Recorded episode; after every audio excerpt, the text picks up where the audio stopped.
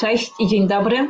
Witam Was wszystkich na kolejnym webinarze Strong Women in IT, inicjatywy, w której e, promujemy kobiety, które zajmują wysokie stanowiska w firmach technologicznych, o tym, żeby i rozmawiamy o tym, jak ich oczami rozwija się technologia, jak ich biznesie ona się rozwija, jakie są pomysły na ich rozwój i wiele innych. A dzisiejszym moim i Waszym gościem jest Justyna Skorupska z ePointa. Cześć Justyna. Cześć, witam wszystkich serdecznie. Justyna, tak na początek, e, żeby dobrze wejść w rozmowę, powiedz mi, e, powiedz wszystkim innym, przedstaw się proszę, kilka zdań o Tobie, jak się zaczęła Twoja przygoda z technologiami, czym się zajmujesz na co dzień, jakie są Twoje odpowiedzialności? E, witam Państwa serdecznie, Justyna Skorupska, tak jak już powiedziała Anita, jak sięgnę pamięcią, to technologiami zajmuję się od 1993 roku, więc już trochę. E, I od samego początku byłam osobą rozpoznawaną jako ktoś, kogo w technologii nazywa się middlewarem, czyli, osob- czyli takim kawałkiem, który powoduje, że tłumaczy się z polskiego na chiński albo z chińskiego na polski, czyli z e, języka IT na język biznesowy i odwrotnie. E, I to w skrócie dużo o mnie mówi bo to jest właśnie powód, dla którego zajęłam się i od wielu, wielu lat wspieram rozwój polskiego e-commerce'u. E, i zajmuje się właśnie wdrażaniem nowoczesnych technologii e, w przedsiębiorstwach, ale przede wszystkim budowaniem w ostatnich latach strategii biznesowych i strategii właśnie omnichannelowych. E, I o tym dzisiaj będziemy opowiadali, mam nadzieję, jeszcze dłużej. Anita już wie, że ja mogę długo, a szczególnie o sobie, to tylko z ciekawostek, bo ja lubię ciekawostki, no to jestem bardzo ciekawa, czy Państwo wiedzą, kiedy w Polsce pojawił się pierwszy sklep internetowy. To Bardzo dobre pytanie. Bardzo dobre pytanie. E, zachęcamy do zadawania również innych pytań tutaj dla Justyny. To w międzyczasie, kiedy inni będą googlać, sprawdzać i weryfikować, kiedy pojawił się ten pierwszy sklep, e, zróbmy takie wprowadzenie, czyli e, dlaczego w ogóle dzisiaj rozmawiamy o Omnichannel? Bo to coraz bardziej, mimo że ten temat jest już dość powszechny, tak mi się wydaje, to jednak ta pandemia i te zmiany, które spowodowała, czyli między innymi tą dostępność internetu, potrzebną, potrzebę korzystania z internetu, sprawiła, że jeszcze chętniej, jeszcze więcej firm zaczęło chcieć być w internecie i chcieć analizować swoje działania i chcieć dzięki temu osiągać lepsze wyniki. Jak ty definiujesz omnichannel, tak żebyśmy na początku tak na miękko rozpoczęły całą naszą rozmowę? E, no to może, ponieważ jestem, że tak powiem, prekursorem podobno w Polsce tej definicji, e, to zacznę od tego, że w ogóle Omnichannel zdefiniował Harvard Business Review w grudniu 2011 roku e, i zrobił to tak zwany Rigby, a w 2012 pojawiło się to pojęcie na rynkach, że tak powiem, zachodniej Europy, która jest oczywiście mimo wszystko bardziej jednak nadal troszeczkę od nas rozwinięta, szczególnie na rynku niemieckim, ale oczywiście również na rynku amerykańskim a w Polsce to pojęcie pojawiło się w 2014 roku i chyba, chyba, tak, nikt nie udowodnił, że był ktoś przede mną, na Retail Techu, na technologii, na właśnie na konferencji technologicznej, kiedy opowiadałam o tym, czym się różni multi-channel od omni-channelu. E, a tak naprawdę chodzi o to, żeby postawić klienta w centrum uwagi e, i przekierować kontekst myślenia firmy z procesów wewnętrznych na procesy, którymi posługuje się klient. Więc mówimy o klientocentryczności, bardzo trudne słowo, e, ale tak naprawdę to o to w tym, wszystkim chodzi. Nie, nie, po angielsku to, to tak ładnie brzmi client-centric. Po polsku to tak dziwny jakiś neologizm z tego wyszedł. Dokładnie. No dobrze, to zacznijmy w takim razie. Czym się różni multi-channel od omni-channela? E, to, to jest właściwie, wydaje się, że proste. E, ponieważ e, kiedyś firmy sprzedawały tylko w jednym miejscu, bo właściwie, bo to chodzi o ilość kanałów e, sprzedażowych i kanałów komunikacyjnych. Jeżeli mamy więcej niż jeden kanał komunikacji, więcej niż jeden kanał sprzedaży, czyli na przykład sprzedajemy nie tylko w jednym sklepie, ale w wielu sklepach i oprócz tego jeszcze mamy infolinię, no to już możemy mówić właśnie o wielokanałowości. A jeszcze jak do tego dołożymy właśnie internet, no to mamy wiele kanałów, e, którymi się komunikujemy z klientami. E, I to jest właśnie multi-channeling, czyli jak mamy wiele kanałów, to mówimy o multi-channelu.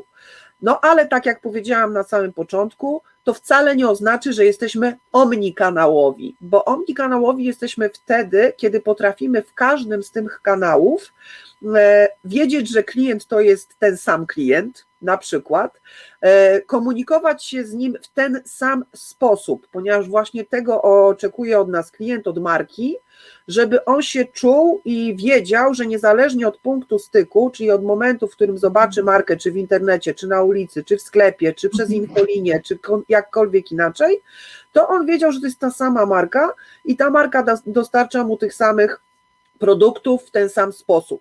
E, więc omnichannel to jest przede wszystkim e, pewien rodzaj podejścia do klienta, tak żeby klient wiedział, że nieważne w którym kanale właśnie komunikacji i sprzedaży, on jest w tym samym miejscu, ma tą samą cenę, tą samą ofertę i tak dalej. Okej. Okay. Mm, a jakiego rodzaju firmy najczęściej, czy naj, najsprawniej, najefektywniej korzystają z rozwiązania Omnichannel? E, właściwie to zaczęło się od retailerów, czyli od e, tak zwanych e, najpierw sklepów brick and mortar, czyli tych, którzy sprzedawali w sieciach naziemnych. I te sieci rosły, rosły fizycznie, no i potem pojawił się internet, a zanim się pojawił internet, pojawiła się telefonia i telefony. I właściwie właśnie obsługa przez infolinię była traktowana też jako moment ku sprzedaży, ale faktycznie rzecz ujmując to od momentu, kiedy internet pojawił się jako e, miejsce zakupowe, tak? E, I wtedy retailerzy dostrzegli mm, właśnie taką potrzebę i możliwość przedstawiania swojej oferty, a w szczególności na początku komunikowania się, tak, czyli jakby reklamowania i promowania swoich produktów e, za pomocą sieci e, internetowej. Pojawiały się oczywiście kolejne media, ta, nie tylko portale, ale Facebooki, oczywiście Instagram i tak dalej, czy pełne social, całe social media. I wtedy zaczęła się właśnie era multikanałowości. I potem w dosyć naturalny sposób, ponieważ z punktu widzenia klienta, to były takie czasy, kiedy e, były takie momenty, kiedy właśnie e, klient przychodził do sklepu, szczególnie jak miał telefon komórkowy, swojego smartfona w rękach i szukał, porównywał ofertę, będąc fizycznie w sklepie internetowym, nagle się okazywało, że w sklepie internetowym danej marki versus sklep e, fizyczny danej marki nie ma na przykład tych produktów i klient czuł się zagubiony i był sfrustrowany. Więc przechodził do takiej marki, w której czuł się po prostu nieoszukany, bo na początku to właśnie o to chodziło, o wzbudzanie pozytywnych emocji, tego, żeby klient czuł się dobrze. Więc to robią przede wszystkim retailerzy i to są takie marki w Polsce znane e, jak e, na przykład CCC, które razem z obuwiem e, ogromny sukces odnosi właśnie stosując strategię omnichannelową, zresztą od bardzo niedawna, czy Decathlon, czy cała e, spółka CCC ze swoimi markami Reserved Mojito, czy Sinsejem, czy też oczywiście nasz rodzimy Empik, który właściwie można powiedzieć, razem z Decathlonem byli prekursorami podejścia omnichannelowego u nas w Polsce. To takie jakby kilka przykładów, które mogę Państwu podać. Poruszyłaś kilka wątków, e, więc idźmy po kolei. Czyli kiedyś było tak, że e, przychodziliśmy do danego sklepu, sprawdzaliśmy sobie rzeczy, nie wiem, patrzyliśmy sobie na buty na przykład, e, potem szukaliśmy tych samych butów w internecie, pomogliśmy je sobie przymierzyć i na przykład przymierzyć w sklepie, a potem kupić w internecie, bo było na przykład tani. Ten efekt ROPO, prawda? Research no to online... ten, który teraz powiedziałaś, to jest efekt ROTOPO, nawet nie ROPO. Rotopo, okej, okay. to zaraz, to czym się różni rotopo od ropo? To, co przed chwilą e, tutaj Anita opowiedziała, czyli szukanie w internecie, testowanie w sklepie i zakup e, e, w internecie, to jest właśnie research online, tested offline, purchase online znowu, więc to jest efekt rotopo. Natomiast okay. efekt ropo, o którym przed chwilą, czyli research online, purchase offline to jest właśnie wyszukiwanie w internecie i potem kupowanie już fizycznie. Zresztą z tego trendu, z efektu ROPO wywodzi się też trend click and collect, który właśnie bazuje na tych zachowaniach zakupowych klientów. Zmieniła się po prostu struktura zachowań zakupowych klientów. Oni wraz z dostępnością internetu coraz większą zaczęli wyszukiwać przede wszystkim w internecie, a dopiero potem decydować się o zakupie E, w sklepach fizycznych. E, I to się po prostu wraz z czasem e, i z dostępnością internetu zmieniało coraz bardziej. I ten efekt na przykład jest najsilniejszy do dzisiaj, włącznie z pandemią, w branży AGD i RTV. To jest bardzo silny efekt zbadany. Nadal klienci szukają bardzo dużo w internecie, natomiast przed zakupem wielu z nich deklaruje, że pójdzie do sklepu fizycznego, porozmawia na przykład z ekspertem tam lokalnie i wróci do domu i właśnie dopiero w domu kupi, ale jeszcze na dokładkę znowu wróci do tego sklepu i fizycznie odbierze ten towar, szczególnie jak jest mało gabarytowy. I tak słuchając Ciebie, myśląc o, czy albo postawiając się w sytuacji takiego sklepu, to to jest mnóstwo pracy, mnóstwo analityki i mnóstwo działań, które należy podjąć, żeby w ogóle to skutkowało. To jest, tak ogólnie mówiąc kolokwialnie, ciężka robota, to jest, ale działa. Tak, tak, to jest bardzo ciężka praca, bo wymaga ogromnych, e, ogromnego zrozumienia. E, nie ma czegoś takiego, że ja pamiętam e, na początku, że tak powiem, lat 2010, e, o tak bym to powiedziała, czyli właśnie 2014-15, kiedy w ogóle pojawiło się pojęcie Omnichannel w Polsce, to wielu retailerom wydawało, wydawało się, że wystarczy postawić właśnie stronę internetową, przenieść w ogóle, jakby stworzyć sklep internetowy, pokazać asortyment w internecie i już będzie się działo. No, no tym bardziej, że jakby udziały sprzedaży bezpośredniej przez strony internetowe w stosunku do sieci naziemnej no były no niewspółmiernie y, niskie. No ale do, właśnie pojawił się ten efekt, o którym rozmawiamy, czyli efekt ROPO, gdzie ludzie szukali w internecie, sprawdzali, chcieli być pewni, że pójdą do sklepu i sprawdzą. No i się okazało, że trzeba bardzo dużo zmienić, e, ponieważ właśnie trzeba przejść ze sprzedaży wielokanałowej tak? czyli właśnie tej takiej po, w pojedynczych kanałach, na pełną komunikację, jak to się mówi, stopień 360 zrozumienia, co klient potrzebuje i e, dawania mu tego poczucia właśnie bycia przy marce i z marką, i tego, żeby on chciał wracać, bo to jest najważniejsze. Ja tu podam Państwu może taką prostą daną, tak? Według raportu ostatniego PricewaterhouseCoopers Omnichannel wdraża się między innymi po to, żeby utrzymać klientów. I to jest 89% e, wszystkich klientów e, z bazy klienckiej jest utrzymywana właśnie dzięki E, stosowaniu strategii omnichannel'owej, jeżeli chodzi o retail. Więc to jest naprawdę bardzo dużo, a wszyscy wiecie, że taniej jest mimo wszystko utrzymać klienta niż go pozyskać, chociaż mówi się, że e, w e-commerce to jest jedno wielkie pozyskiwanie, ale ten trend też się już właśnie zmienił w trend e, taki, żeby myśleć o utrzymaniu klienta i o tym, żeby jednak nie pracować cały czas na nowej bazie, ale E, właśnie wymieniać i szukać tej synergii pomiędzy kanałami, tak żeby klienci czuli się docenieni, a właściwie na koniec dnia liczy się przychód marki i całego, e, całej firmy, a nie pojedynczych kanałów sprzedaży. Justyna, i teraz podrążmy to, bo na przykład my jak zaczynamy komunikację firmy, to zaczynamy od tak zwanych person, prawda? Czyli do kogo mówimy, gdzie tę osobę znajdziemy, jakich ona, jakie ona ma potrzeby, um, czego ona się boi, co, czego, um, co, co lubi, gdzie ją znajdziemy i tak dalej, i tak dalej. No to um, jak wy w takim razie definiujecie sobie tych klientów, jak wy ich rozpoznajecie? Bo sobie wyobrażam, że też całą taką ścieżkę dotarcia do tych ludzi musicie stworzyć. No, trochę to tak jest, że y, niby to jest takie tradycyjne narzędzie marketingowe, ale stosowane po nowemu, o tak bym to powiedziała, a, a tradycyjne, bo ni mniej, ni więcej to jest po prostu segmentacja, tak? Na koniec dnia wybieramy przedstawiciela persona, to jest właściwie przedstawiciel danego segmentu klientów, z którymi pracujemy. No i umówmy się, że dla niektórych segmentów, które właśnie powiedzmy ważą, tak, czyli stanowią jakiś tam procent przychodów, no właśnie warto stworzyć wspólne procesy, wspólne procedury, osi komunikacyjne i rozumieć, jak, jakich mediów należy dla tych segmentów używać. No bo nie wiem, no może to jest oczywista oczywistość, no ale no niestety prawda jest taka, że mamy segmenty klientów e, tradycyjnych i segmenty klientów digitalowych, całkowicie tak zwanych cyfrowych i nie ma w ogóle sensu trafiać do klientów cyfrowych z komunikacją taką tradycyjną, offline'ową czy, czy telewizyjną na przykład, bo po prostu ich nie ma w tej telewizji, tylko trzeba absolutnie przez internet. Natomiast do tych klientów tradycyjnych, no to oni dla odmiany, no oczywiście częściowo przechodzą pomału do internetu, ale nadal trzeba stosować te kanały tradycyjne, więc to jest naprawdę ogrom pracy na poziomie procesów operacyjnych i to nie tylko marketingowych. Na to chcę Państwu zwrócić przede wszystkim uwagę, że w Omnichannelu to nie tylko chodzi o strategię marketingową. To jest tylko jeden malusieńki kawałek, a cały problem jest e, z tyłu, tak, w procesach operacyjnych, w procesach To jak zacząć? To ja teraz w takim razie się tu wtrącę i powiem, jak zacząć. Pierwsze dwa, trzy kroki. Co jest potrzebne, żeby e, zacząć nie tyle myśleć o Omnichannel, ale zacząć próbować to stosować w praktyce?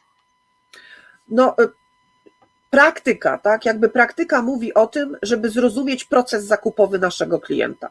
Czyli właściwie zacząć od zrozumienia, e, kto to jest nasz klient. I właśnie zaczynamy od tego, żeby, nie wiem, zdefiniować customer journey chociaż. Bo oczywiście najpierw trzeba wiedzieć w ogóle, co to jest za target grupa, tak? Czyli e, przykład, o którym Anita przed chwilą powiedziała, no persona jako przedstawiciel segmentacji, a i owszem, ale na dzień dobry, no to właśnie zrozumieć, e, kto to jest ten nasz klient, jaka jest ta nasza target grupa. Potem dla tej target grupy określić e, tego przedstawiciela takiego symbolicznego, czyli tak zwaną personę. Potem dla niej stworzyć e, i zbadać, bo nie tylko nie chodzi o to, że my sobie to narysujemy, słuchajcie, na kartce papieru, bo to każdy potrafi, ale zbadać, zrozumieć, jak ten klient, nasz klient potencjalny kupuje, bo on zawsze w tej chwili kupuje wielokanałowo. Praktycznie nie istnieją właściwie, no poza, poza nie wiem, może 80 plus klienci, którzy nie kupu, nie są wielokanałowi, czyli jakby nie mają dostępu do wielu e, do wielu jak miejsc. Badacie? Jak wy to badacie, tak żeby móc ocenić, bo faktycznie skąd ty możesz wiedzieć, czy ja kupiłam ten golf przez Instagram, Facebooka, sklep online, reklamę, może weszłam do sklepu. Skąd? Prawdopodobnie w Twojej podróży zakupowej pojawiło się prawie wszystko, co wymieniłaś. E, dlatego, że e, każdy e, proces zakupowy dzieli się na pewne etapy. Każda e, kategoria, tak, czy jakby w każdej kategorii zakupowej te procesy są e, niektóre specyficzne, tak? E, zawsze oczywiście jest po, po, pewnego rodzaju potrzeba, bo wychodzimy od potrzeby, że klient w ogóle czegoś takiego potrzebuje, ale najpierw robi się tak naprawdę wywiady z klientami, czyli wchodzimy do firmy, sprawdzamy, kto kupował, robimy jakiś, jakieś tam powiedzmy losowanie pewnego rodzaju, robimy wywiady z tymi klientami. To się nazywa IDI, wywiady jakościowe, właśnie ze strukturyzowaną zapytaniem, e, jak, e, gdzie szukałeś informacji, gdzie dokonywałeś zakupu, dlaczego w tym sklepie. I właśnie zadajemy dużo pytań, dlaczego.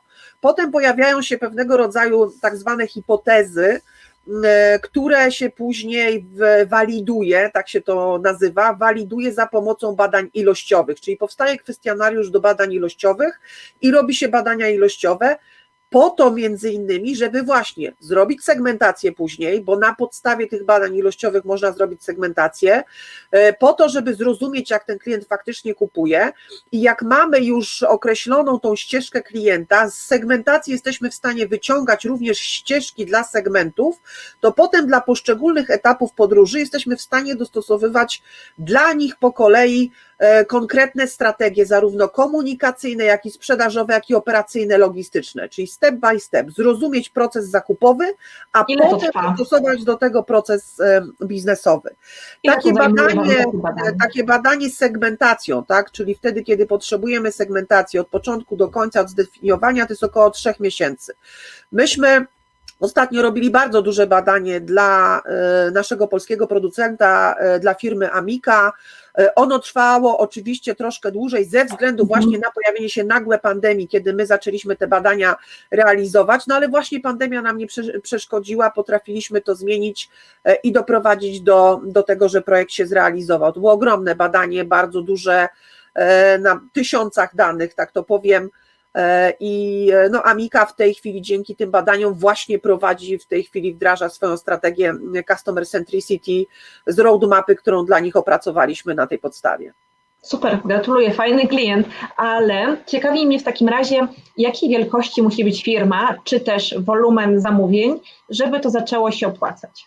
Bo na pewno to jest. Jeżeli dość... chodzi ja, ja, ja rozdzielę dwie rzeczy, bo jakby najważniejsze jest rozdzielenie tego, że zrozumienie procesu zakupowego klienta szczerze powinien rozumieć to każdy, kto sprzedaje. Czyli jeżeli nawet u Anity, zresztą ona to robi, stara się zrozumieć swoich klientów, czego oni to tego potrzebu, czego potrzebują, co może im oferować. Więc samo zrozumienie procesu zakupowego klienta, bez takich nawet dużych badań ilościowych, bo nie mówimy o tym, że no, każda firma sobie nie może oczywiście na to pozwolić, ale E, w mniejszych firmach absolutnie można to zrobić. Ja to zawsze radzę swoim, e, również startupom. Zbadajcie klienta, zapytajcie się, jak on kupuje. To są bardzo proste, e, bardzo proste ćwiczenia. Po prostu weźcie telefon, usiądźcie z tym kimś i powiedzcie, kupcie taki a taki produkt i patrzcie, tak, jako obserwator, jak ta osoba się zachowuje, co ona robi. Wystarczy 5-10 osób, żeby to miało sens. Potem można prostą ankietę w internecie, na Facebooku opublikować i już mamy badania też zrobione na taką małą skalę, tak? To można zrobić zawsze, a nawet trzeba i polecam.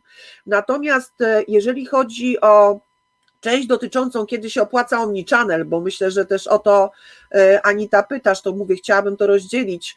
E, no to właściwie trzeba patrzeć na to w ten sposób, że to nie ma kiedy się on nie opłaca, bo klienci po prostu y, mają bardzo wysokie oczekiwania. W tej chwili, no prawda jest taka, że internet po prostu rozpieścił klienta e, i klient ma absolutnie duży wybór. Jak nie kupi w Polsce, to kupi kurczę za granicą, tak?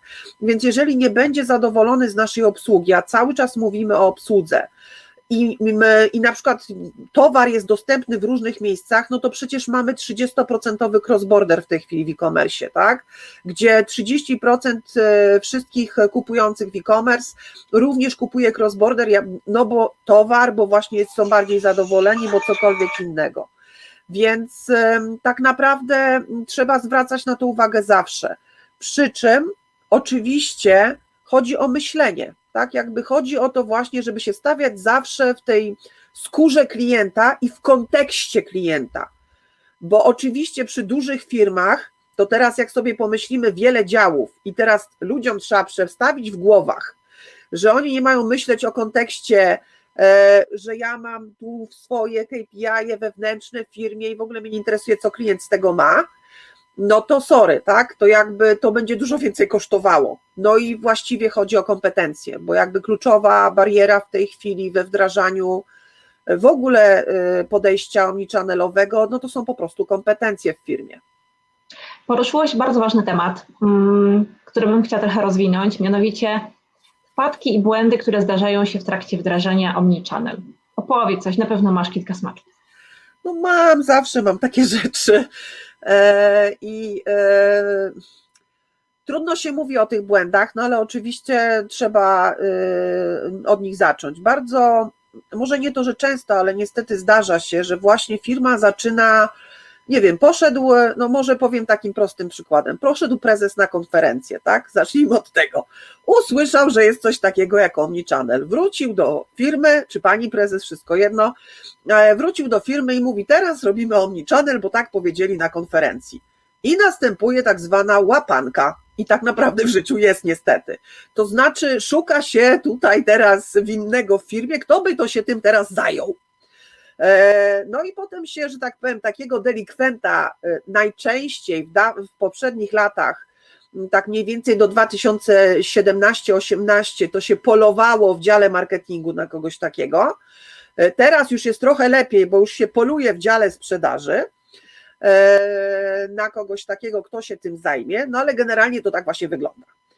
I nagle osoba, która miała zupełnie inne zadania, zakresy, jeszcze nie dostaje uprawomocnienia, staje się odpowiedzialna za cross kampany, tak? Czy jakby przez całą firmę przechodzący projekt bez żadnej możliwości egzekucyjnej.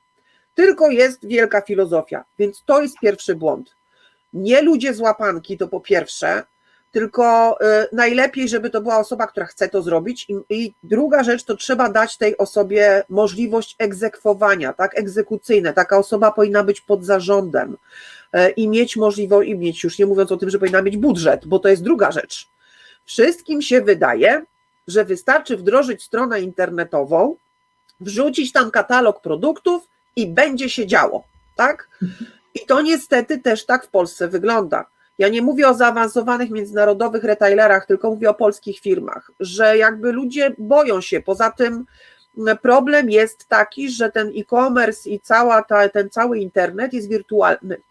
Łatwiej jest kupić maszynę produkcyjną, bo ona jest fizyczna, tak? Łatwiej jest kupić nowe produkty, surowce, sprowadzić towar do sklepu, nie wiem, nawet ludzi zatrudnić jest łatwiej, bo to jest coś namacalnego. Natomiast yy, ta strategia omnichannel to jest taka troszkę nienamacalna.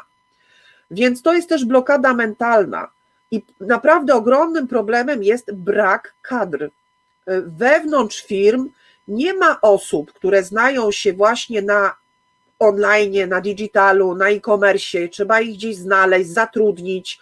Oni mają w ogóle inne pomysły na życie, bo też trzeba przyznać, że to jest drugi błąd, tak, że e, do tradycyjnych firm, e, szczególnie do bardzo tradycyjnych, z taką dużą siecią sprzedażową tradycyjną, wprowadza się nagle no, takich wariatów jak e, co po niektórzy pasjonaci, którzy od razu chcieliby nie wiadomo co osiągnąć, a to trzeba wprowadzać zmianę. Omnichannel to jest zarządzanie zmianą. I to jest, no nie da się robić rewolucji, no trzeba robić, jak to ja mówię, ewolucyjną rewolucję. I bardzo dużo edukacji. Natomiast bez budżetu i bez osoby odpowiedzialnej pod zarządem e, wewnętrznie, no po prostu się tego nie da zrobić. Więc jak zarząd sobie wyznaczy osobę, zbuduje stronę internetową, nawet da na to pieniądze, a potem powie, no ale już dałem, no to to nie tak nie działa. Bo jak kiedyś powiedziała moja koleżanka, najważniejsze, szczególnie w części e-commerce'owej, jest dostarczyć produkt. Więc jest ogromna praca na procesach operacyjnych, logistycznych i procesach obsługi klienta. To jest y, coś nieprawdopodobnego. Bardzo.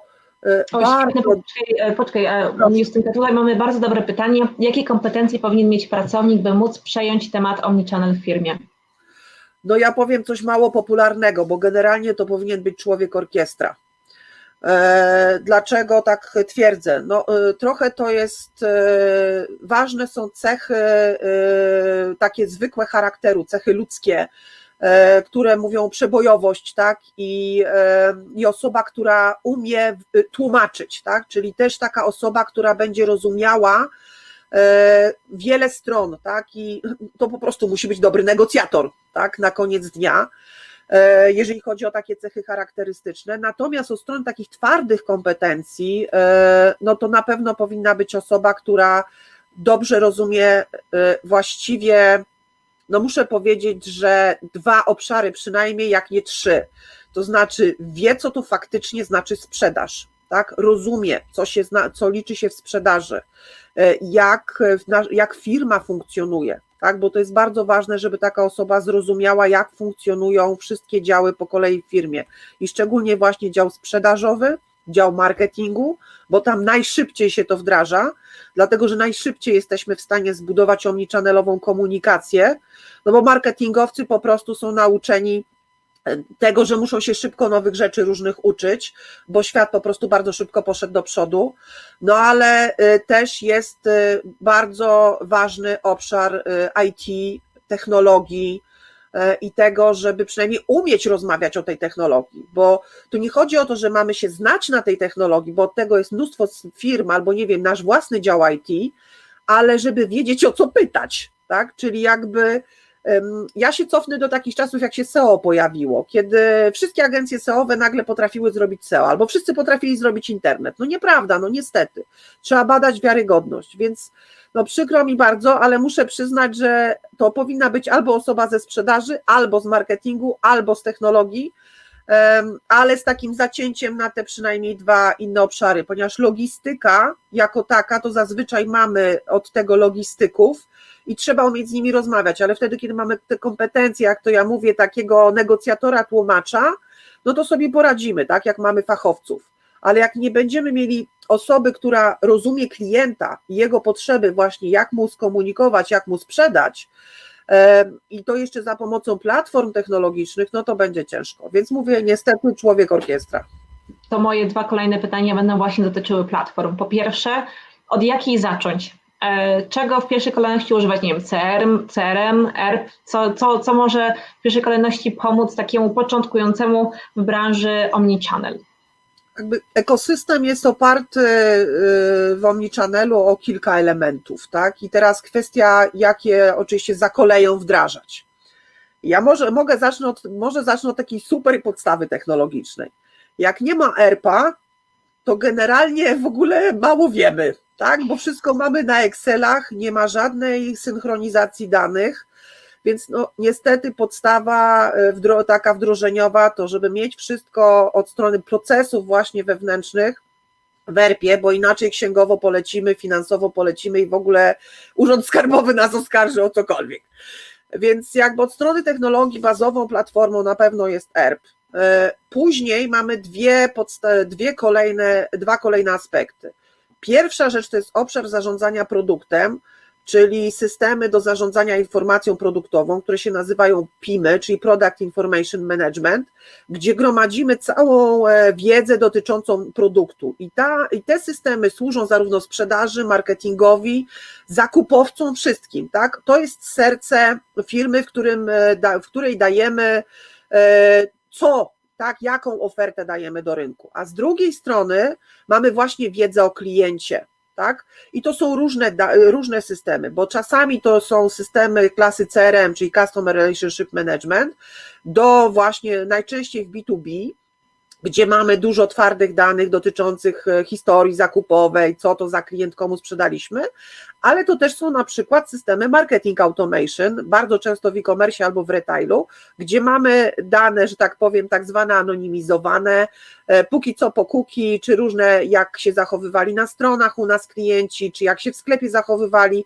Suma summarum, jak, jakiś zbiór danych, Najlepiej oczywiście, żeby to było 360 e, view of customer, kto to jest ten nasz klient. I wtedy jak mamy te jakby podstawę w postaci ERPA plus dane o, e, dane o produkcie, dane o kliencie, to na górze, że tak powiem, tego wszystkiego można dopiero budować e, Boże, nie chcę używać takich strasznych słów, no ale muszę, propagację, e, propagację informacji e, do wszystkich innych e, ewentualnych systemów, czy to do aplikacji mobilnych, czy do PWA, czy do strony internetowej, czy do aplikacji w sklepie brick and mortar, czy do marketplace'ów zewnętrznych, dokądkolwiek.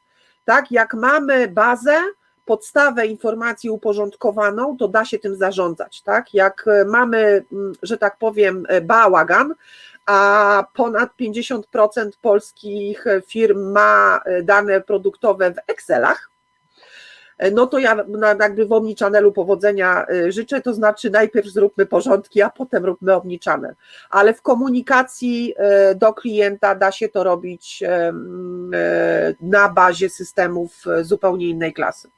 Natomiast bez tego się nie da. A na ile e, dane, które zbiera Facebook, Instagram, y, Google, wszystkie platformy pomagają nam e, w lepszym zdefiniowaniu segmentów czy tych person klientów. Na ile w ogóle omnichannel jest możliwy dzięki temu, że te platformy zbierają dane?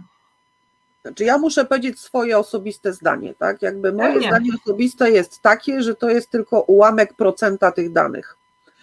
E, bo wszystkie naprawdę prawdziwe, kluczowe dane są wewnątrz firmy bo to klient się styka z firmą, to firma powinna wiedzieć, co on kupił, za ile kupił, e, dlaczego kupił, e, a nie Facebook, czy Instagram, czy, e, czy jakiekolwiek inne social media.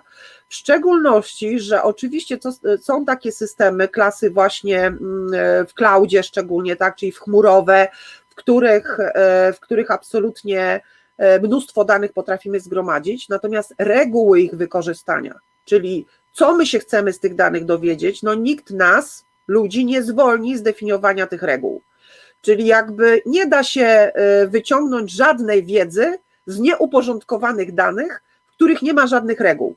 Mnóstwo danych możemy dostać, ale bez e, ich uporządkowania i zdefiniowania, bo to my ustawiamy kategorie. To nie jest tak, że mm, platforma to zrobi za nas. Platforma może zgromadzić te dane z różnych właśnie źródeł zewnętrznych i wewnętrznych. Natomiast reguły segmentacji, czyli według czego tak, to ma być dzielone, co z tymi danymi chcemy zrobić, no y, niestety wymagają kreatywności ludzkiej póki co. Um, Okej, okay. A na, mm, to teraz troszkę zmienię temat, ale tak nie bardzo. Tak troszkę chciałam tylko porozmawiać o tym, że no Apple jednak trochę wprowadza takich ograniczeń wynikających z przetwarzania danych i wymaga od firm tego, żeby informowały nas o tym, jakiego rodzaju informacje on, e, one zbierają, prawda? Szczególnie od Google'a żadna nowa e, aplikacja nie może być update'owana bez poinformowania nas, e, co ona o nas wie. To czy w takim razie to jest taka burza w szklance wody, że te firmy tyle o nas wiedzą i to sprawia, że targetują jeszcze konkretnie reklamy i co się dzieje z tymi danymi? Jakie ty masz do tego podejście? No, muszę przyznać, że tu jest oczywiście budowanie złotego środka pomiędzy potrzebami firm e, do właśnie lepszego docierania i szczególnie w obszarze performance marketingu, lepszego docierania, targetowania i dawania klientowi komunikatu takiego, którego on teoretycznie oczekuje na podstawie właśnie analizy danych, a z drugiej strony mamy jednak ochronę prywatności.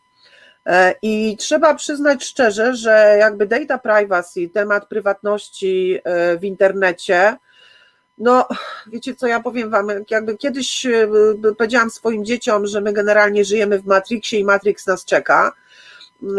I jakby ja nie mam optymistycznego scenariusza, może nie dożyję, ale jednak uważam, że no, po prostu rozwój technologii jest w tak dużym tempie, a, a my jako ludzie bardzo często dosyć no wszystko nieświadomie, z wygody, z niewiedzy, z czegokolwiek, zgadzamy się, klikamy te zgody, nie wiemy co klikamy, nie czytamy tego, no taka jest po prostu rzeczywistość, a potem się frustrujemy, tym, że właśnie zostaliśmy zaatakowani jakąś reklamą, czy zaatakowa zaatakowani, specjalnie tak mówię, e, jakimś komunikatem, którego no właśnie wcale nie chcemy, żeby y, o nas y, firmy wiedziały.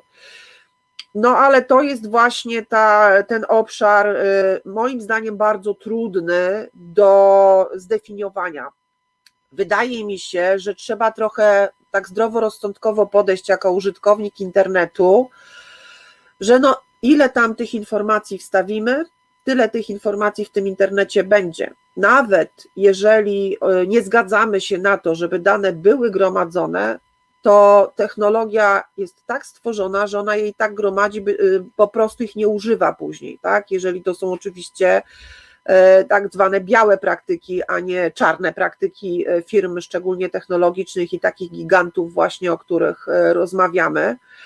No ale już jak wejdziemy w voice commerce, tak, i, e, i technologia się nauczy przetwarzać e, e, jeszcze lepiej, tak, nasz głos, to ta wygoda, no niestety za wygodę zaczynamy płacić swoją prywatnością. I moim zdaniem, jak ktoś tego nie rozumie, no to niech nie korzysta z internetu. No przykro mi bardzo, takie jest po prostu życie. No a to, że firmy to wykorzystują, no ciężko byłoby to zabronić tak naprawdę, bo my sami zostawiamy te dane, chcemy czy nie chcemy.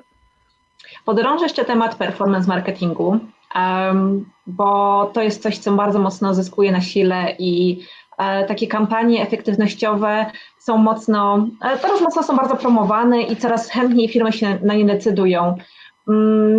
Na ile omnichannel, e, albo inaczej, na ile te, ten performance marketing będzie skuteczny bez omnichannelu? O, musiał, no musielibyśmy popytać o dane, tak, jakby y, i po, pokazać to na przykładzie danych, a ja tak niekoniecznie mogę niektóre pokazywać, mogę Wam tylko jakby opowiedzieć, tak, w niektórych e, przypadkach e, performance marketing jest jednym ze sposobów pozyskiwania klientów, tak? To nie jest jedyny sposób, tylko jeden ze sposobów pozyskiwania klientów. I absolutnie byłabym w błędzie, mówiąc, że każdy powinien to robić, bo to jest nieprawda. E, performance marketing powinien być wykorzystywany tam, gdzie to ma sens, E, i tam, gdzie ma trafić za konkretną właśnie grupą e, odbiorczą. Czyli jeżeli naszą target grupą są seniorzy w wieku 80, plus, no to wybaczcie, moi kochani, e, jeżeli tu są agencje marketingowe, no ale jaki performance marketing, tak? W ogóle halo. Znaczy, dobra, za x lat, kiedy ja już będę 80 lat miała, to być może tak, ale dzisiaj, dzisiaj jeszcze nie. Więc ma to sens tam, gdzie e, jest nasza target grupa. Ja wiem, że odpowiadam trochę naokoło, ale strategie dotarcia do klienta i strategie komunikacji w omnichannelu powinny być absolutnie uzależnione od właśnie target grupy, od customer journey'a, od miejsca w którym, i momentu, tak, momentu zakupowego w podróży zakupowej. Więc szczerze powiedziawszy, nie wszędzie. E, I czy to ma sens bez omnichannelu? No oczywiście, że ma, bo jeżeli mamy odseparowane kanały sprzedażowe i na przykład nasz sklep internetowy nazywa się Ole Ole i nie ma żadnego sklepu offline'owego o nazwie Ole Ole, e, no to wybaczcie, no ale tu się to e, kalkuluje i jest to sens, więc faktycznie, kiedy mówimy o sklepach internetowych, to w dużej mierze będzie miało, e, będzie miało to sens. E, może powiem tutaj taką puentę na koniec do, do tego. Kiedyś mówiono, że e, jakby marketing jest najmniej mierzalnym miejscem w firmie, e, bo nie dało, nikt nie wiedział, która złotówka jest, które 50% wydaliśmy dobrze, a mhm. które źle. No, w tej chwili właśnie dzięki performance marketingowy, no jesteśmy w stanie odpowiedzieć w 100%, co wydaliśmy dobrze, a co źle, tak? czyli co skonwertowało, a co nie skonwertowało. I to jest, że tak powiem, w tej chwili zmora marketingowców, bo trzeba się rozliczać. E, wracając do Omnichannel i tematu, który ja osobiście obserwuję jako wymagający, to jest analiza stanów magazynowych i taka e, update'owanie ich na bieżąco, wręcz najlepiej byłoby w stanie w czasie rzeczywistym. Pamiętam jak jakiś czas temu, czyli będzie prawie, no chyba to było wakacje, byłam w jakiejś galerii i spodobały mi się pewne buty i pytam się tej pani, czy jest mój rozmiar. E, mówi mi, że no niestety mojego nie ma, ale jest w innej galerii. Więc ja się pytam, e, czy może sprawdzić. Ona właśnie sprawdza i mówi, tam są. Ja się pytam, jak, e, w jakim czasie mają aktualizowane stany magazynowe. Czyli, że będę miała pewność, że to jest hmm, wczoraj, czyli raz na 24 godziny. Więc ja do niej proszę w takim razie, czy może Pani w takim razie zadzwonić i upewnić się, że w tym sklepie ja znajdę te buty. Dobrze, ale patrzyła się na mnie jak na dziwaczkę, e, przy czym e, chyba e, może ją trochę zaskoczyło to, że ja się jej pytam, jak, jak szybko analizują stany magazynowe, ale inna sytuacja, święta Bożego Narodzenia, prezenty, kupujemy w szale, prawda, różne rzeczy. Kupi, kupiłam rzeczy, kupiłam jakąś rzecz i nagle patrzę, nie ma jej w, nie ma jej w paczce, ponieważ okazało się, że w tym samym czasie kupiły ją dwie osoby. No i niestety byłam tym nieszczęśnikiem, któremu musieli zwracać pieniądze. Jak wy to obchodzicie, czy jak wy sobie radzicie w takich sytuacjach z klientami? E, ja mogę odpowiedzieć to jakby na przykładzie różnych, znaczy różnych klientów, bo oczywiście zależy od wielkości. E, no to ten, e, no jest coś takiego jak systemy magazynowe i systemy zarządzania magazynem i dostępnością właśnie towarów. I one się nazywają WMS-y, kolejny skrót. E, I e, jeżeli one e, istnieją, bo to teraz zobaczcie, co ja mówię, jeżeli istnieją, to jest trochę łatwiej. Bo jeżeli takich systemów nie ma, albo i nie ma jeszcze do tego systemu do zarządzania zamówieniami, czyli order management systemu, no to niestety będzie ciężko. E, szczególnie jeżeli mamy wiele magazynów na przykład, e, a ten, to o czym opowiadałaś, to każdy sklep jest pewnego rodzaju magazynem, tak? Jakby w każdym sklepie jest, jest inna ilość towaru. E, jeszcze te magazyny są zewnętrzne, wewnętrzne i w ogóle obszary logistyki to jest jedna wielka, ciężka zagadka. No to niestety bez rzetelnej informacji o dostępności magazynowej i aktualizacji, czyli tego, o czym ty przed chwilą powiedziałaś, dostępności na prawie, że w real time, to się nie da. Jak to się obchodzi? E, to się obchodzi w taki sposób bardzo często e, i e, że mamy coś takiego jak rezerwę, na przykład zakładaną na tak zwane wysoko rotujące towary. Czyli jeżeli jesteśmy mądrzy i analizujemy, jak rotują, czyli jak szybko schodzą nam nasze towary z magazynu, czy nieważne, czy z powierzchni sklepowej, czy z naszego magazynu e, back-office'owego, to mamy świadomość, że to jest na przykład towar szybko rotujący, czyli on bardzo szybko schodzi. I wtedy na takich właśnie szybko rotujących zakłada się pewnego rodzaju rezerwy e, i e, zarządza, jak to się mówi, rezerwami, czyli mhm. wystawia się do zewnętrznych miejsc sprzedaży konkretne ilości dostępne. I, I one, i to jest tak jak ty mówisz, da się dowiedzieć oczywiście, czy jest w innym sklepie, czy nie jest, na poziomie na przykład rezerw. Natomiast też można to załatwić na poziomie informatycznym co do wręcz jednej sztuki, tak, że jeżeli klient wchodzi z poziomu strony internetowej, czy z poziomu fizycznie w sklepie ze swojej kasy, to w tym momencie dany towar jest jakby rezerwowany dla tej transakcji. Jeżeli nie dostoskonany, to jest zwalniany. Więc są na to sposoby, ale jest to bardzo, no muszę powiedzieć, że to jest skomplikowane i wymaga jakby analizy możliwości zarówno operacyjnych właśnie e, w sieci danej czy w danej firmie, jak i też technologicznych, bo największą blokadą e, jakby wdrażania takich rozwiązań jest blokada technologiczna, czyli że brakuje e, integracji, czyli jakby nie ma pomiędzy żadnej wymiany danych, albo ona jest bardzo rzadka, bo raz na dobę w internecie to jest za rzadko. Jasne. Tak słucham sobie Ciebie, trochę jestem w temacie tego Mi Channelu, interesuję się tematem, ale im więcej o nim słucham, im myślę i czytam, tym bardziej widzę, jaka to jest um, kobyła, jaki to jest kombajn, jeżeli chodzi o działania. Za co Ty lubisz pracę nad tym Mi Channelem? Bo nie wyobrażam sobie, żebyś tyle czasu poświęcała, energii, życia na pracę przy takich tematach, gdybyś tego nie lubiła. Znaczy, dla mnie stanowi to taki obszar y, permanentnych wyzwań, i, i ciągłych e, trzy kwestie. Permanentne wyznania, wyzwania, ciągle trzeba się czegoś uczyć, e, a to jest jakby dla mnie osobiście ważne, że ja się mogę ciągle rozwijać, mimo że już 25 lat pracuję, to jeszcze się mogę czegoś ciągle uczyć. No i trzeci kawałek to jest właśnie stanowienie no tego middleware'a, tak, o którym mówiłam na początku, czyli tłumaczenia technologii na biznes, biznes na technologię i Szczególnie jak widzę, kiedy ludziom nagle otwierają się tak szeroko, słuchajcie, oczy i oni mówią, ojejku, ja rozumiem, nie?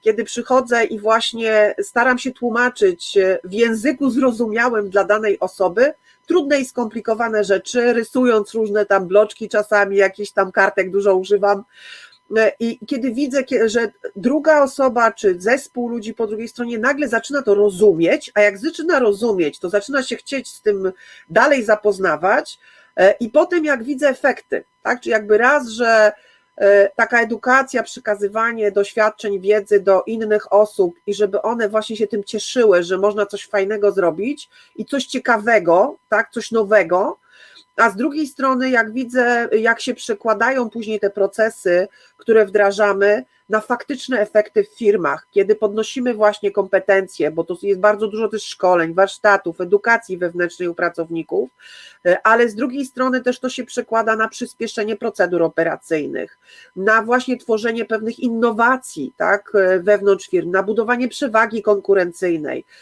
na to, że nagle firmy, które nigdy nie myślały o wyjściu za granicę, mówią, o kurczę, jak mam e-commerce, to się da, nie?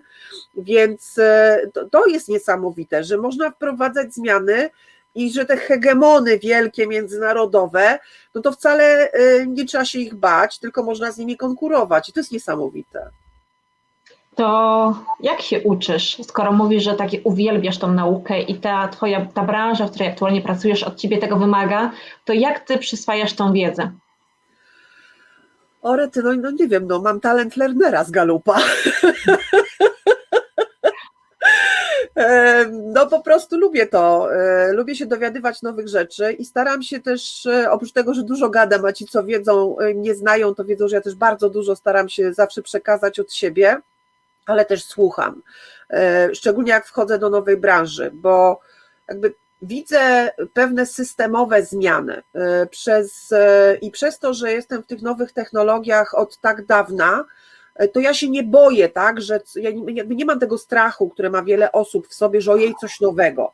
Dla mnie coś nowego to jest, o, coś nowego, nie?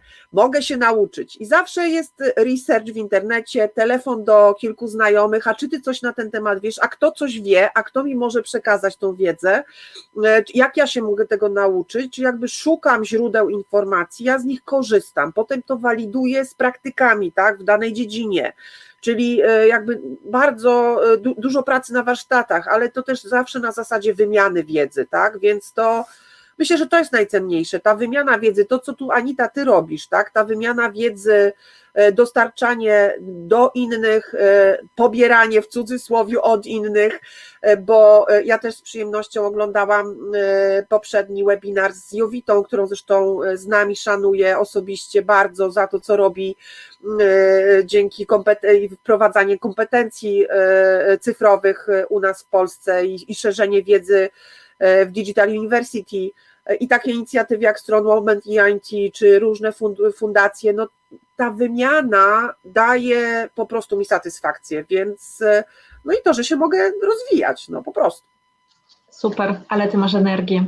A w jaki sposób, albo inaczej, y, ja, jedno z takich moich ulubionych pytań, które zadaję, to właśnie jedno to jest jak się uczysz, a drugie jakąś taką radę, Mm, zdanie, myśl, mm, coś ktoś Ci doradził e, biznesowego, taką radę biznesową, którą e, bardzo mocno sobie przypominasz albo stosujesz w życiu.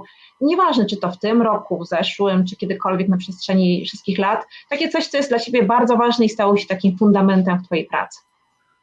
Fundamentem moim, w ogóle jako osoby fundamentem mojej pracy stała się rada, którą dostałam e, kiedyś od mojego dziadka Stanisława i potem pogłębiona przez mojego tatę, obydwa już nie żyją.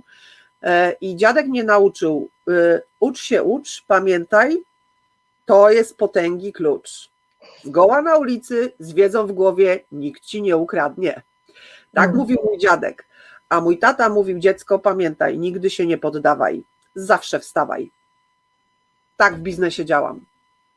Wow, to Power Strong Woman. Nie ma co się dziwić, że tutaj jesteś w naszym raporcie. Super, super. Moja droga, powoli będziemy kończyć. To, co chciałam tak na jeszcze finalnie z Tobą e, porozmawiać bliżej końca, powiedz mi, no bo wiadomo, dużo już mówiliśmy tutaj o pandemii, o tym, jak sytuacja zmieniła w branży. Jak Ty postrzegasz zainteresowanie tematem Omnichannel od e, tak naprawdę marca zeszłego roku? Ono wzrosło, utrzymało się na tym samym poziomie, nic się nie zmieniło. E, wzrosło, ale co, e, co ciekawe, wzrosło w e, nowych branżach, bo jakby powiedzmy w cudzysłowie tradycyjny retail, czyli retailerzy, oni starają się stosować tą strategię już od kilku ładnych lat przynajmniej, albo już to stosują, albo prowadzą projekty, żeby to natychmiast zastosować. Natomiast to, co się wydarzyło w ciągu tego ubiegłego roku, to to, że obudzili się właśnie producenci. E, czyli e, i to ci, którzy właśnie mają marki konsumenckie, gdzie oni nagle e, jakby zrozumieli, że to jest ważny trend również dla nich, czyli w sektorze B2B, stał się to również ważny trend. To w ogóle się nie pojawiało wcześniej, no może w niektórych przypadkach. Natomiast to customer centricity, to podejście omnichannel'owe w właśnie tej części bliżej powiedzmy relacji B2B, to się pojawiło z dużą siłą i mocą. I to właśnie w jakby w tym sektorze, który można nazwać bardzo tradycyjnym, no i też w takich firmach, które były bardzo tradycyjne, czyli jakby owszem, miały sobie jakiś sklep internetowy albo i nie, i nagle jakby wszystkie zakazy, nakazy, problemy, pandemia i, i tak dalej, okazało się, że stryk trzeba mieć e, internet, no a ktoś słyszał coś o tym Omnichannelu, no to w ogóle to Omnichannel trzeba mieć. E, I, I to faktycznie się zadziało. Ja myślę, że to też jest e, już znowu na koniec z takimi danymi, kiedy raport, który robimy w, w ramach Izby Gospodarki Elektronicznej, Omnicommerce kupuje wygodnie, to do którego zresztą za, zachęcam do pobrania, żeby właśnie spojrzeć na, na Omnichannel i, i to, co się dzieje w, Omni, w Omnichannelu, ale tu oczywiście w sektorze B2C. E, no to pokazał, że aż 72% e, w ogóle wszystkich e, internatów zaczęło kupować przez internet i to jest aż 15 punktów procentowych w stosunku do poprzedniego roku, czyli w stosunku do 2019 w tym Omnichannelu. Bardzo dużo. Bardzo duża różnica. I to, co najważniejsze, bo ludzie pytają, czy ten trend zostanie, tak? czy w ogóle zostanie po pandemii, czy jak pandemia będzie znikała. No, zostanie, dlatego że znowu 54% e, wszystkich e-kupujących mówi, że będzie wydawać za pomocą kanałów internetowych więcej pieniędzy, tak? Czyli zostanie w tym internecie i będzie tam więcej wydawać. E, I dla odmiany to też jest całkiem spora grupa, bo znowu wszystkich, cała społeczność, e, jakby od strony społeczności, tych, którzy kupują, to 27% e, wszystkich Polaków kupujących w ogóle, robiących zakupy, mówi, że zostanie również w, w internecie i będzie wydawało więcej przez internet. Więc na pewno trzeba patrzeć na te dane i nie można o tym kanale zarówno komunikacji, jak i również kanale sprzedaży zapominać. I wydaje mi się, że, że to, jest, e, e, to jest to, co się teraz widzi, tak, że jakby pojawiają się nowe trendy, direct to customer, czyli właśnie, że producenci starają się bezpośrednio skontaktować, skomunikować się z ich ostatecznymi odbiorcami. To się dzieje właśnie tam, gdzie są marki konsumenckie i to się dzieje w bardzo przeróżnych miejscach. E, więc ten trend na pewno moim osobistym zdaniem będzie rósł i B2B commerce będzie coraz częściej no właśnie rozwijał się w tych kierunkach, w których już retail jest rozwinięty. No a click and collect staje się takim sposobem, takim sposobem na unikanie też problemów z zamknięciem sklepów wielkoformatowych. Dzięki temu Decathlon na przykład świetnie utrzymał swoje obroty po wdrożeniu click and collect, bo można było po prostu odbierać produkty w wyznaczonych miejscach y, i było to bezpieczne dla konsumenta, wygodne i nie przeszkodziło zamknięcie galerii, tak? Mhm, pewnie, pewnie. Mamy pytanie od Aleksandry, które marki mogą służyć jako best practice we wdrożeniu omnichannel i dlaczego? No ja muszę przyznać, że ja mam takie trzy y, marki, które y, osobiście bardzo często pokazuję jako case. Pierwsza, y, która w ogóle, według mnie w ogóle wdrożyła Omnichannel, to jest właśnie Decathlon, który się pojawił lata temu i zaczął w szczególności patrzeć na, na tą sprzedaż marki i zunifikował swój P&L, czyli jakby przestał rozdzielać sprzedaż pomiędzy kanały a zaczął patrzeć na wpływ internetu na kanały. Tam jest wiele różnych sposobów, zresztą case można przeczytać w mojej książce. E, I zresztą na wielu konferencjach też jest omawiany i, e, i naprawdę warto patrzeć na to, jak, jak wprowadza e, i działa w Omnichannelu Decathlon bo działa nie tylko na zewnątrz, ale właśnie również wewnątrz, czyli wszyscy pracownicy byli zaangażowani. Oni, to muszę podać ten, to best practice, bo ono jest świetne moim zdaniem. Nie wystarczy tylko jakby wymyśleć strategię, ale trzeba ją potem wdrożyć. Tak? Nie chodzi tylko o potrzeby klienta, ale o to, że pracownicy potem na koniec mają używać tej strategii. I oni mają taki konkurs wewnętrzny, który się nazywa O mnie mistrz czyli uczą swoich pracowników, co to znaczy w ogóle omnichannel e, i jak oni mogą z niego korzystać. Tam wszyscy mają tablety w rękach, oni naprawdę doskonale sobie z tym radzą, więc ja tu polecam e, przyjrzeć się Decathlonowi. Drugi taki nasz lokalny case, e, który jest myślę też ciekawy, bo troszeczkę inaczej tą strategię się wdraża w Empiku, gdzie pojawił się na przykład Empik Premium jako program E, który został wdrożony, e, bo, bo Click and Collect dosyć wcześnie też został wprowadzony w Empiku. Swego czasu jeszcze Michał Gromiak był e, szefem e-commerce'u, to mówił, że no właściwie 80% całego przychodu internetowego jest odbierane w sklepie fizycznym, bo klienci lubią przychodzić do Empiku i cross sales u nich był bardzo wysoki, czyli jakby sprzedawanie pomiędzy kanałami, bo klienci przychodzili po paczkę, jeszcze przy okazji coś brali. Zresztą widać, tak, ja tak, tak, tak, tak, Więc myślę, że Empik jest takim świetnym przykładem, a szczególnie właśnie to, w jaki sposób wprowadzają e, te swoje programy lojalnościowe, budując to tak zwane customer advocacy, e, bo to też jest jeden z elementów. No i trzeci przykład, no dosyć, e, no powiedzmy sobie szczerze, medialny, no to jest case CCC i obuwia i tego, w jaki sposób te marki wykorzystały i powiązały ze sobą i, e, i jak został wdrożony e, w tradycyjnej superfirmie, a znowu z drugiej strony w bardzo nowoczesnej, jak one zostały zmiksowane i dzięki temu no, trochę uratowali swoje wyniki, tak, jeżeli chodzi o CCC. I ten czwarty kwartał szczególnie mieli bardzo dobry i tu podziw duży, ogromny dla zespołów, które, które pracują w CCC i obuwiu, bo myślę, że to jest też świetny przykład. Zresztą e, nie od dzisiaj, e, właściwie wszystkie trzy marki, które wymieniłam, otrzymywały nagrody w Best Omni Channel of the Year e, w konkursie, który organizuje Izba Gospodarki Elektronicznej, do którego zachęcam zresztą do, do aplikowania do niego i myślę, że warto korzystać i patrzeć na tych najlepszych i uczyć się od nich. Bardzo Ci dziękuję. Masz ogromną wiedzę i cieszę się, że miałaś możliwość, czas e, tutaj dołączyć do nas i poopowiadać właśnie o tym, jak wygląda omnichannel w biznesie. Powiedz mi, gdzie osoby zainteresowane tematem, trochę porozmawianiem z Tobą mogą Cię, mogą cię znaleźć, żeby to było dla Ciebie wygodne i skuteczne. No ja jestem człowiekiem e, internetu, więc e, prosta sprawa w internecie. Ja bardzo, ja najlepiej reaguję i to już wszyscy, e, większość osób wie, ja najlepiej i najszybciej zareaguję albo po prostu na Messengerze, albo na Whatsappie, jak ktoś ma do mnie numer telefonu, albo na LinkedInie, więc to są najskuteczniejsze, bo uwierzcie mi, jeżeli chodzi o maile, to ja już tylko dam studentów i go oficjalnych klientów przetwarzam, bo nie dałabym rady. Wyobrażam sobie, że tego masz dużo. O, tutaj brawo.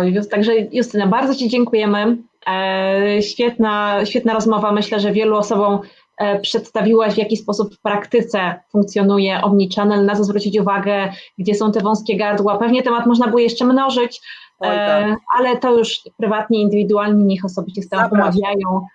Więc bardzo dziękujemy, a my się widzimy za dwa tygodnie. Temat będzie, zdradzę tylko, że będzie dotyczył pieniędzy i naszej przyszłości, jeżeli chodzi o nie, więc zapraszamy i e, widzimy się za dwa tygodnie. Dzięki. Dziękuję bardzo.